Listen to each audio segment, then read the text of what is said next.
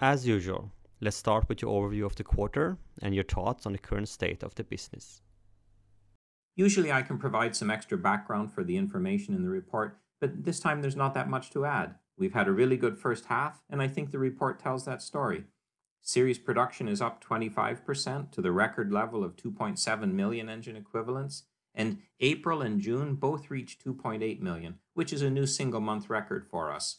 The three high volume programs that were low in 2017, they've all come back. They're all contributing nicely.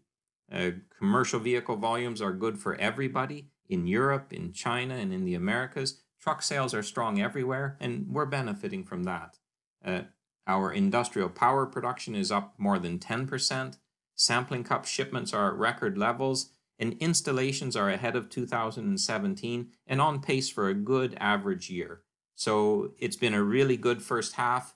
We're beating our internal targets, and we've still got lots of time to push and to try to get more in the second half.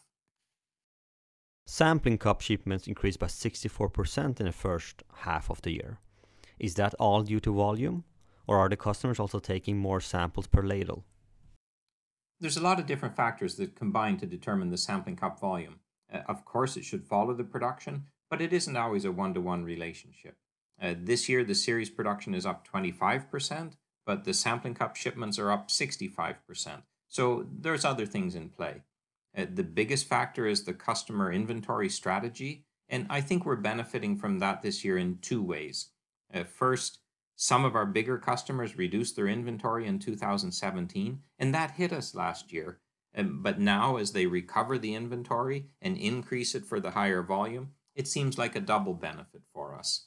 And second, uh, some of our customers are increasing their stock levels not only to align with the current production, but also to match with their higher forecasts. Um, another factor is the strong increase in our production of exhaust components this year. And these are small castings with an average weight of about five kilos. So the ladle size is small and the mold yield is low. Uh, the net result of this is that we consume about five times more sampling cups for each engine equivalent than we do for our core cylinder block and cylinder head production. So that's been a really nice boost for us this year.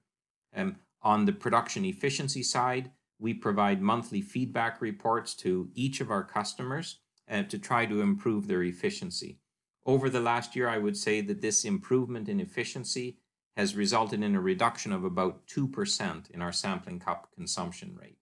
So there's a lot of different factors, but overall, the increased sampling cup shipments confirm that 2.5 to 2.7 million engine equivalents is our new normal and that our customers are preparing for higher production. Can you comment on the business model for your new tracking technologies? Well, it's still early days for our tracking technologies. We receive a lot of positive feedback from the industry, but we're just now installing the first elements of our cast tracker at the Scania foundry here in Sweden and we'll install our second ladle tracker later this year at the Tupy foundry in Brazil. We have good ideas about the business model and the pricing, but we still need to get more production experience to determine the cost benefit and to really determine what the market will bear. Uh, for ladle tracker, we see it as a one-time sale with a typical installation priced at around 1 million Swedish crowns. We'll seek an annual software license, but there aren't really any consumables and there isn't a running fee. For Cast Tracker, again, we see it as a one-time sale of around 1 million crowns plus an annual software license, and we're also seeking a running fee per casting. So let's not expose the Cast Tracker pricing here. Let's just say that we have the ambition for a running fee, and both sides will learn more about that as we gain production experience in the foundry and as we receive more feedback about the traceability requirements of their customers. What are your overall thoughts on the outlook for the rest of 2018? Yeah, we're really positive about the outlook. The current production is stable. 2.5 to 2.7 million seems to be the new baseline, and we've already hit 2.8 million. Uh, we've informed the market about the start of production of a new inline diesel engine for passenger vehicles in the third quarter, and that'll give us another growth step. It's really exciting to see if we can reach the 3 million engine equivalent milestone now during the autumn. Uh, installation discussions are also moving at a good pace. We expect to secure CGI and tracker commitments during the second half. Uh, we might not be able to recognize all of the revenue in 2018 because of the new accounting rules, but we do expect that the installation activity will increase during the second half. So at the moment, all of the things that we measure are good and growing. We don't see any dark clouds. We're confident and happy, and we're excited to see where we end up in the second half of the year.